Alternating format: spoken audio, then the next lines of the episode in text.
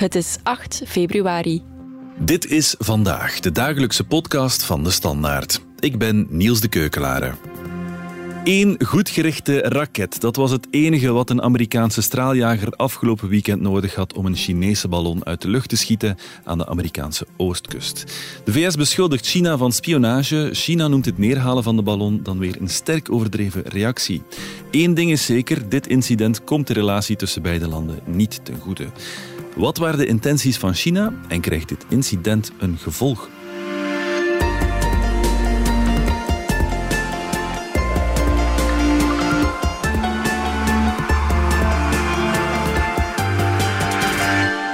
Roland Termote van onze buitenlandredactie. Jij volgt Amerika al een tijdje voor onze krant. Wat dacht jij toen je hoorde dat ze een goed zichtbare witte ballon uit de lucht geschoten hadden aan Myrtle Beach in South Carolina? Wel, eindelijk in zekere zin. Dat de ballon uit de lucht zou geschoten worden, dat zat er altijd aan te komen. Dat was ook wat president Joe Biden wilde. De enige vraag was op welk moment dat opportun was. En het leek uh, altijd zo te zijn dat inderdaad ja, dat het logisch zou zijn om die ballon neer te schieten op het moment dat uh, hij zich bevindt boven een plaats zoals de oceaan, waar hij gewoon veilig kan neerstorten zonder mensen te raken. En waar ook de brokstukken, wanneer ze dan uh, in de oceaan storten, makkelijk kunnen uh, geherbergd worden, voor zover ze nog intact zijn. Ja, ja. En dat is uh, natuurlijk iets moeilijker over land. Ja, je gaf het al aan, ze volgden de ballon al een aantal dagen. Van waar kwam die ballon plots? Wel, oorspronkelijk uit China, maar uh, de ballon die is over uh, Alaska en Canada gevlogen. En dan is de ballon ja, in het luchtruim boven het Amerikaanse vasteland komen te zweven. Dat is boven de staat Idaho. Um, ja, om ons te oriënteren, Idaho ligt uh, zo'n beetje noordwestelijk. En ja, dan is hij verder blijven vliegen. Hij is opgemerkt ook door mensen op de grond op een bepaald moment in Montana. Een van de Amerikanen die het vreemd object hadden gespot in Montana was Chase Doak. I was looking out the window like I normally do, and I just happened to spot it out of the corner of my eye. And at first I thought it was a star, but I thought that was kind of crazy because it was broad daylight. And, and when I looked at it, it was just too big to be a star. En vanaf dat moment uh, stond iedereen zich te vergapen aan de ballon. TV-stations, ballontoeristen met smartphones uh, enzovoort. En ja, dan is hij blijven zweven tot zaterdagavond, waar hij beland is uiteindelijk uh, voor de kust van uh, Zuid-Carolina. En dat is veel meer zuidoostelijk. Dus hij heeft eigenlijk een stevige tocht afgelegd boven de VS. Die ballon, is die eerst opgemerkt door Amerikaanse burgers en dan pas door Amerikaanse autoriteiten? Of was het omgekeerd? Nee, de, de autoriteiten hebben de ballon eerst opgemerkt. Burgers hebben die later in de gaten gekregen toen hij echt uh, zichtbaar werd. het denken van de autoriteiten was ook ja, dat die ballon uh, in, de gaten moest gehouden worden. Dat je inlichtingen kan verzamelen zolang die ballon uh, aan het vliegen is. En um, omdat het ook niet de eerste keer is, dus er zijn andere uh, ballonvluchten geweest, waarvan sommige dan wel niet zo goed gedetecteerd werden. Sommige van de eerdere ballonvluchten ja, werden onderzocht door de Amerikaanse defensie. En belanden in een categorie waarbij men niet zeker was of ja, misschien wel over een UFO kon gaan. Okay, um, ja, ja. Inmiddels weet men dat het dus inderdaad om eerdere ballonvluchten gaat. Er is ook een reden waarom die ballonnen populair zijn. Hm. Um, in de Koude Oorlog was dat populair. En daarvoor, ja, het is bijna een primitieve karikatuur. Uh, iemand die, uh, een spion die met een verrekijker in een mandje onder een ballon hangt. De, de vraag is dan, waarom doen we dit nog wel? In zekere zin doen we het ook terug. De verwachting was op een bepaald moment dat spionagesatellieten uh, dit soort technieken zou vervangen. Maar ook satellieten zijn kwetsbaar geworden voor allerhande wapentuig. En ballonnen zijn ook gewoon best goedkoop. Ze zijn makkelijk te lanceren. Hm. En dan vliegen ze ook uh, op gebied over uh, lagere hoogte. Ja, dan kunnen ze soms wat scherpere uh, beelden nemen, luidt een van de mogelijke verklaringen. Ja. Ze kunnen misschien ook radiosignalen oppikken van militaire infrastructuur, luidt een andere verklaring. Men is het erover eens dat het allemaal geen enorme voordelen heeft als het gaat over de informatie die je verzamelt ten opzichte van satellieten. Maar ze zijn dus wel een goed extra middel en een goedkoop extra middel en dat dus vaak ingezet wordt. Hmm. Ja, dus dit is gewoon een van de middelen die China gebruikt om andere landen te bespioneren dan?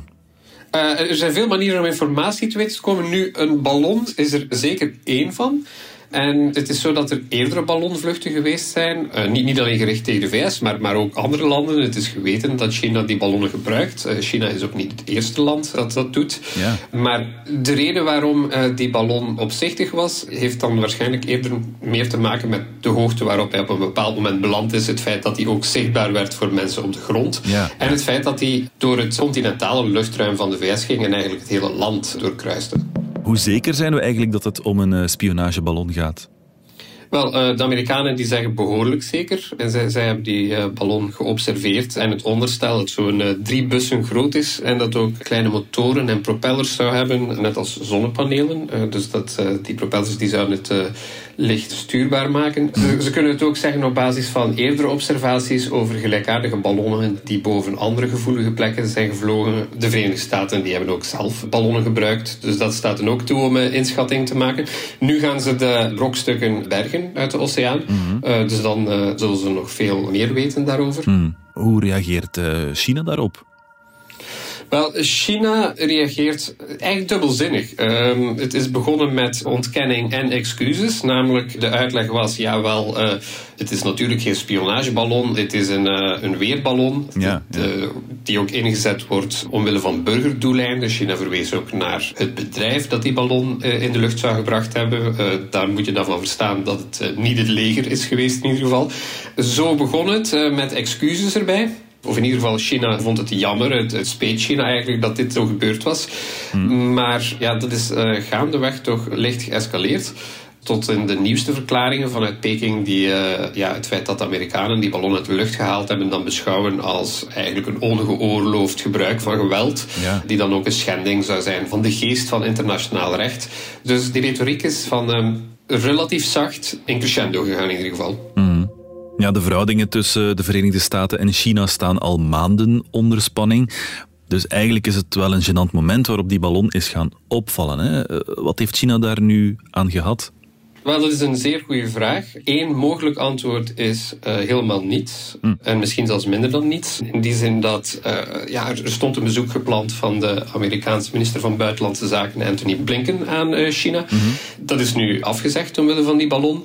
Dat bezoek kwam er op een moment dat ja, president Xi Jinping eigenlijk een soort van diplomatieke zegeronde aan het lopen was. Namelijk, hij, hij zit stevig in het zadel, heeft volledige controle over het Chinese overheidsbestel op dit moment.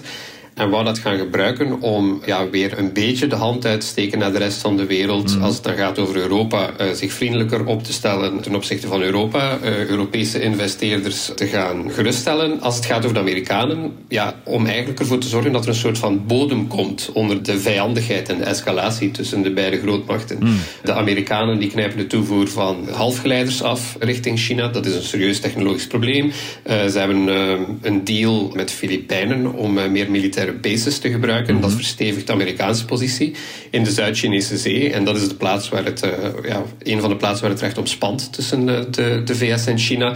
Ja, um, de Chinezen die uh, stellen zich steeds dreigender op tegenover Taiwan. En de Amerikanen die stellen daar tegenover dat ze Taiwan zullen verdedigen. En, en dus dat zijn, dat zijn spanningen die zich opbouwen naast de spanningen die er al waren. En eigenlijk zou het bezoek van Blinken een deel van die spanningen moeten wegnemen. Mhm. Nu, dat bezoek gaat niet door. Dus ja, die bodem onder de relatie is er ook niet. En dat maakt het allemaal chaotischer. Kan je afvragen of dat is wat Peking wil. Er is eigenlijk weinig Ja. reden om, om aan te nemen dat dat zo is. Ja, we luisteren even naar de reactie van Blinken. What this has done uh, is created the conditions that undermine the purpose of the trip, including ongoing efforts to build a floor under the relationship uh, and to address a broad range of issues that are of concern uh, to the American people, uh, I believe to the Chinese people, and certainly as well to people uh, around the world. Um, so we took the step in postponing the planned visit. Anderzijds is het zo dat ja, het Chinese bestel is uh, ook vrij groot. Um, dus het kan best dat daar bijvoorbeeld gewoon een fout gemaakt is. Dat iemand in het leger die ballon de lucht ingezonden heeft op een moment dat eigenlijk niet echt opportun was. Mm. En niet, niet nagedacht heeft over de mogelijke uh, diplomatieke gevolgen. Um, ja, er zijn eerder gelijkaardige dingen gebeurd toen het Chinese leger ja, onhandige dingen deed op het moment dat er Amerikaanse functionarissen op bezoek kwamen. Okay, dat is alweer een, een tijd geleden. Waarbij bijvoorbeeld de toenmalige president uh, uh, Hu Jintao niet meteen op de hoogte leek vanaf het begin. Nu, Xi Jinping is een veel sterkere leider dan uh, Hu Jintao, dus die heeft in principe wel serieuze controle over het apparaat.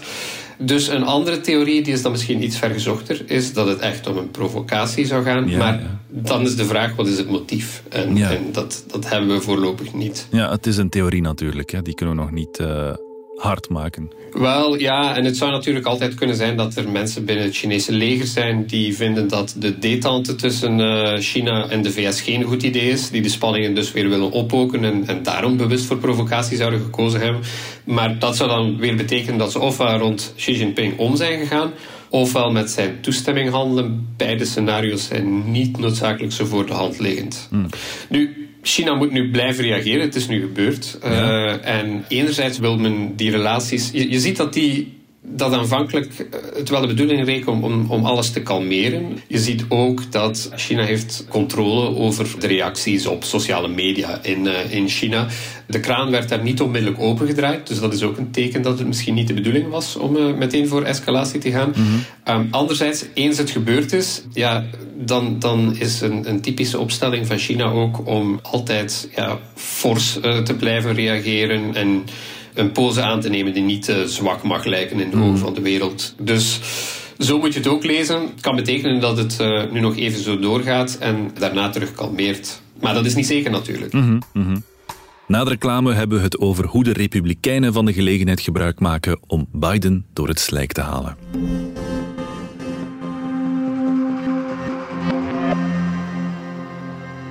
Ik ben Kaya Verbeke en elke zondagavond zit ik klaar met mijn smartphone in de aanslag om naar de serie 1985 te kijken. Die gaat over de lode jaren 80 en de bende van Nijvel. Nu, ik ben zelf van 88, dus ik heb die periode niet heel bewust meegemaakt. En daarom ga ik bij elke aflevering op zoek naar wat er eigenlijk echt is gebeurd. 1985 is fictie, maar volgens mij zit daar toch wel wat waarheid in. Ik vraag het aan misdaadjournalist Mark Eekhout en mediaredacteur Valerie Droeven. Zaterdag in Radar. Je gaat toch luisteren, hè?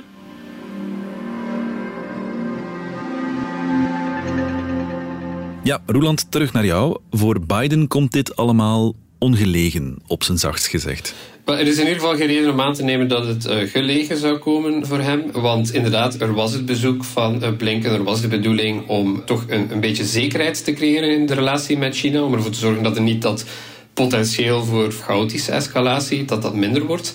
Dat is dus niet gebeurd. En het was ook wel vervelend dat hij ja, eigenlijk eh, de hele tijd eh, antwoord moest bieden aan kritiek van de Republikeinen ehm, over die ballon en het feit dat die niet meteen uit de lucht werd geschoten.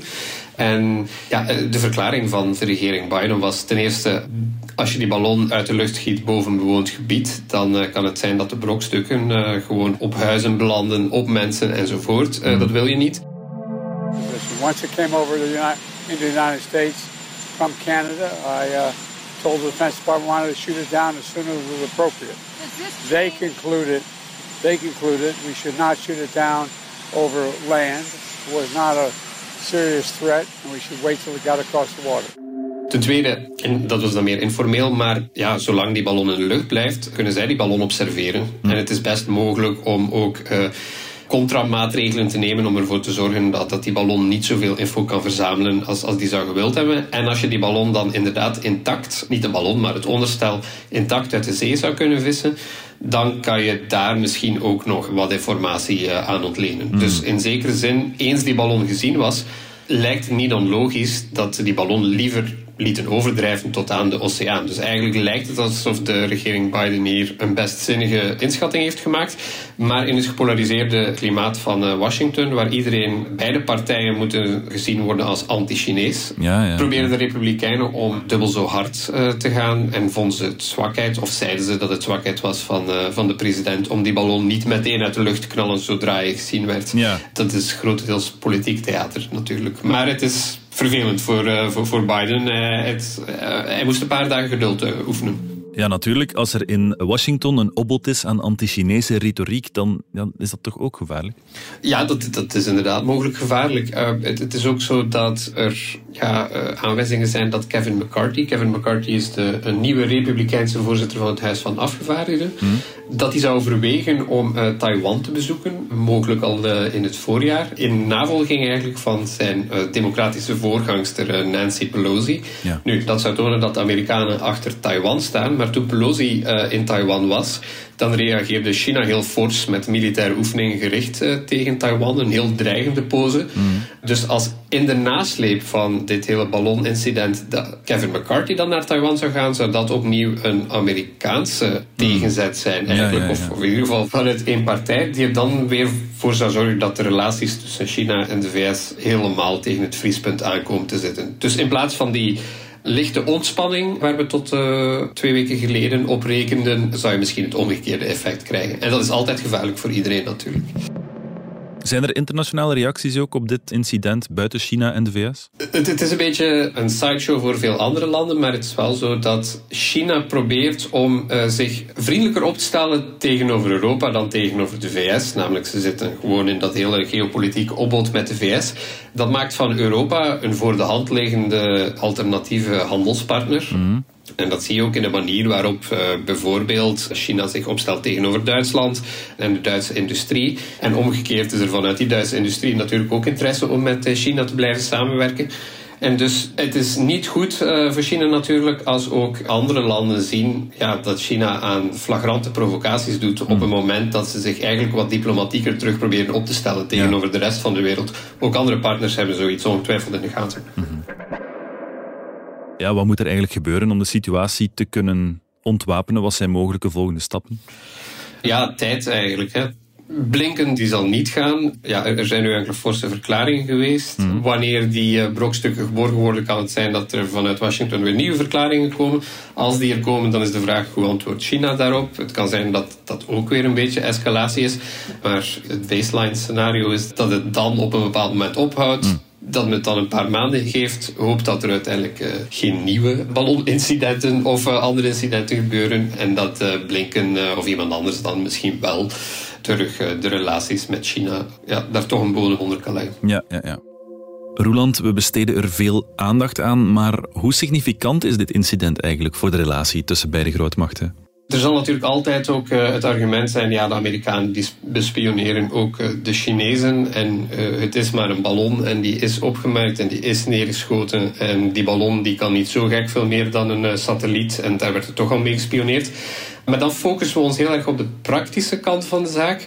Je moet echt wel kijken naar de timing ook, de zichtbaarheid van het incident, het opbod dat erop gevolgd is, de gemiste kansen om dichter bij elkaar te komen. En het feit dat die ballon ja, ook echt de hele VS overgevlogen is, daarvan kunnen de Amerikanen zeggen: ja, natuurlijk uh, bespioneren wij ook. Hmm. Maar dan zeggen zij: um, ja, dat doen wij aan de randjes. En ze zullen je natuurlijk niet vertellen wanneer dat het niet zo is. Uh, is ook gebleken uit onthullingen zoals die van Edward Snowden. Hmm. Maar diplomatiek is dit echt wel een probleem geweest. Ja. Goed, Roland Termoten, dankjewel. Graag gedaan.